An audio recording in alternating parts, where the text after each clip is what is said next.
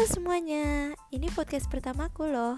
Nah, perkenalan dulu yuk. Nama aku Lia Faza dari Universitas Pendidikan Indonesia NIM 2006923. Aku mau membahas tentang dinamika pelaksanaan demokrasi di Indonesia.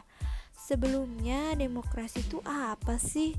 Jadi, demokrasi itu secara singkat berarti kekuasaan dari rakyat atau pemerintahan rakyat. Kalau kata Abraham Lincoln, suatu pemerintahan dari rakyat, oleh rakyat, dan untuk rakyat. Nah, kembali ke topik. Jadi, bagaimana dinamika pelaksanaan demokrasi di Indonesia? Pertama, Indonesia pernah menganut sistem demokrasi liberal pada tahun 1945 sampai 1959. Nah, demokrasi ini tuh tergantikan karena sejak berlakunya UUDS 1950 pada tanggal 17 Agustus 1950, Sistem demokrasi liberal, selama sekitar 9 tahun tidak menunjukkan hasil yang diharapkan rakyat.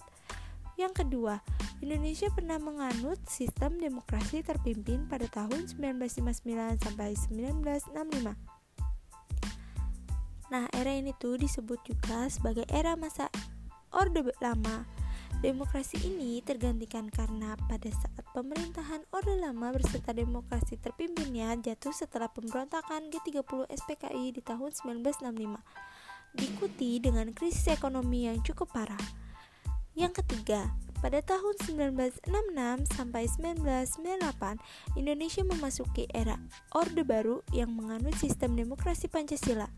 Nah, pada era ini, Soekarno sebagai pengemban surat pemerintah 11 Maret memegang kendali kekuasaan dan menyebut pemerintahannya sebagai Orde Baru dengan tekad melaksanakan Pancasila dan Undang-Undang Dasar 1945 secara murni dan konsekuen.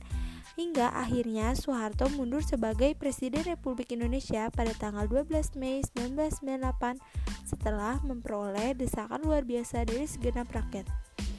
Yang terakhir, pada tahun 1998 hingga sekarang memasuki era reformasi dengan menganut sistem demokrasi Pancasila.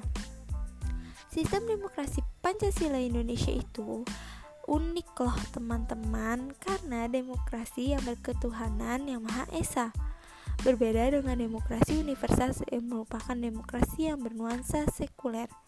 Di Indonesia telah disiapkan sarana pelaksanaan demokrasi, yaitu pemilu yang sering juga disebut sebagai istilah wujud budaya demokrasi di Indonesia.